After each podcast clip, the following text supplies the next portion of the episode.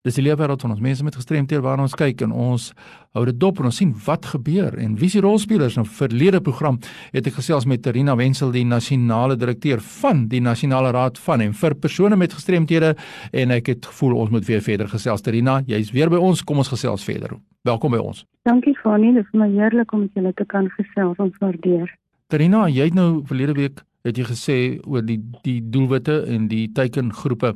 Is daar 'n teikengroep wat jy dalk uitgelaat het in verlede week, wat nog nie geluister het, jy het gepraat van kinders, jy het gepraat van mense met gehoorverlies en natuurlik as 'n mens kyk na die verskillende forme van gestremdheid, uh, liggaamlik, gehoorverlies, is daar iets wat jy nog wil byvoeg wat die nasionale raad van en vir persone met gestremthede dienste lewer en bemagtiging doen? Van die wat menseregte aanbetref en in diensneming um, in die werkplek en ook um, werkskepingsprojekte en bemagtiging. Dis dan nie een enkele groep wat ons uitsluit nie. En daar's natuurlik baie gespesialiseerde dienste soos braildienste en so aan vir blinde persone waarby ons nie betrokke is nie, maar op die front van menseregte insluiting bewusmaking advocacy om om mense toegang te gee tot dienste is daar absoluut geen groep wat uitgesluit is nie. Dit sluit nou in mense van alle gelowe, alle kulture en verskeidenheid van gestremdhede. Dit is baie goed om dit vir my so inklusief is. Ja. Jy het verlede program verwys na die na, nasionale maand die wat ons bewustheid skep oor gestremdheid en uh, die mense het uh, besoek aan die uh, sosiale media van #DreamDisabilityRightsAwareness Month. Mense daar ingegaan en baie aktiwiteite gesien. Jy het verwys na die uitsluiting wat daar plaasgevind het rondom subtitels en uh, captions in Engels sê. Ja, man, baie hartseer. Dit is baie hartseer. Maar moet ons nog in 2019 gesels oor insluiting van persone met gestremthede. Is dit nie nou al ons is soveel jaar in demokrasie? Is dit nog nodig, ja? Ag, weet jy, van dis hartseer, maar ja, ons moet nog steeds daaroor gesels. Ons het hierdie mooi wetgewing, maar dit is nog nie mooi aan die gang nie. So ons moet nou nog steeds daaroor gesels. Ja, dis 'n groot uitdaging, né?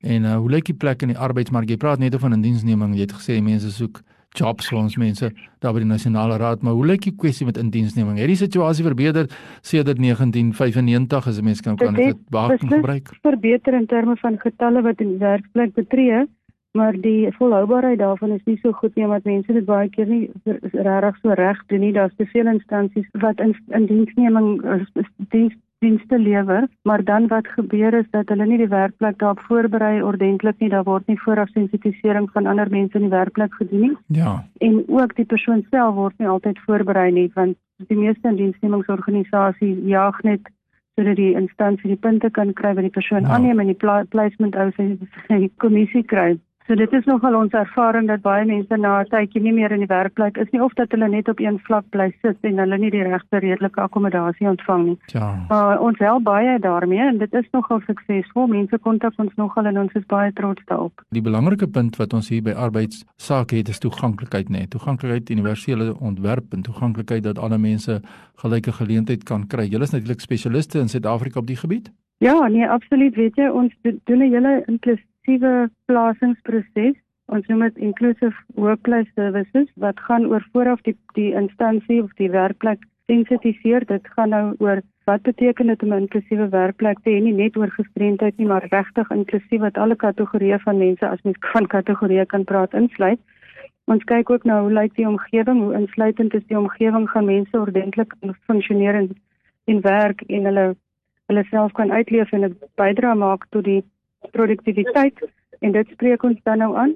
Ons help ook mense met die disclosure. Daar's baie ouens wat in 'n werkplek sit wat wel 'n persoon met 'n gestremdheid is en wat getel kan word selfs vir employment equity en vir die punte dat nie dat 'n mens wil hê dis waarom mense in diens geneem moet word nie, maar hulle het nie nooit die vrymoedigheid gehad om te ja. sê hulle het 'n gestremdheid en wat hulle redelike akkommodasie behoeftes is. So ons het 'n hele formele program daaroor. Dan ja. en doen ons werksvoorbereiding vir individue met gestremdheid. En dan spreek ons ander rand issues ook aan, byvoorbeeld vervoer, kommunikasiemiddels en um, ons bly dan betrokke vir omtrent 'n jaar en selfs langer totdat ons seker maak dat die persoon regtig inpas en dat mense van beide kante af tevrede is. Ja, dis 'n groot uitdaging Karina. Ons tyd hardloop alweer uit. Ons het so 'n minuut of wat oor. Ek wil net 'n laaste vraagie vra. Ons het nou 2 weke met jou gesels. Julle het 'n groot onderneming, julle maak 'n groot verskil, maar hoe leef julle geldelik? Wat sê jy as nasionale direkteur vir die breë gemeenskap? Wat moet hulle doen? Weet jy, Fani, ons het eintlik soveel hulp van die gemeenskap nodig deur die genade gebeur daar elke jaar tog ietsie wat maak dat ons kan aangaan en ons het nog nie nodig gehad om ons organisasie af te skaal of deure toe te maak nie, maar dit kos ons stettend ons stettend harde werk. Hoewel ons lekker met die staat saamwerk, kry ons geen befondsing uit die staat nie, letterlik geen. Die Loslede Dag projek help wel baie, maar soos almal weet, deel ja. ons daai geld met 'n groot klomp organisasies, meer as 600. Ja. En ons doen dit graag, maar as daar enige iemand is wat wat ons kan ondersteun deur miskien 'n vennootskap of op enige ander wyse kan hulle ons gerus kontak. Ons sal ja. dit geweldig waardeer. Ja, ons gaan jou kontakpersoon nou vra dat mense jou kan skakel Terina want jy is nou al hoeveel jaar in werking in die nasionale raad? Ons is al ons is al 80 jaar aan die gang en ehm um, ons is nie 'n oudtydse organisasie nou, argaïs nie. Ja. Ons bly relevant en ons doen baie renewal projects. Ons is nou ja. weer besig met so 'n program. Ja. So ons bly heeltyd releva relevant en ja. mense wat deel van ons is of ons ken sal daarvan kan getuig. Ja natuurlik, dit vat volhoubare ondersteuning en passie en deursettingsvermoë om 'n organisasie 80 jaar nog relevant te hou in 'n land. Dit is nie in enige organisasie se broek as ek so mag stel nie. So Terina, baie geluk dankie van ons kant af. Baie dankie. Vir die wonderlike werk wat jy doen. Dis maak nie saak waar jy jouself vandag bevind nie, waar jy luister na hierdie program nie. Maak 'n verskil, besoek die kantore van die Nasionale Raad van en vir persone met gestremthede vir ondersteuning en kyk watter dienste daar beskikbaar is. En Terina Wensel, die nasionale direkteur het nou met ons gesels die afgelope 2 weke en as jy met Terina wil skakel, nou gaan ons vra Terina gee vir jou kontak okay. My telefoonnommer is 083 255 6854 en e-posadres terina@nccd www.org.za 0832556854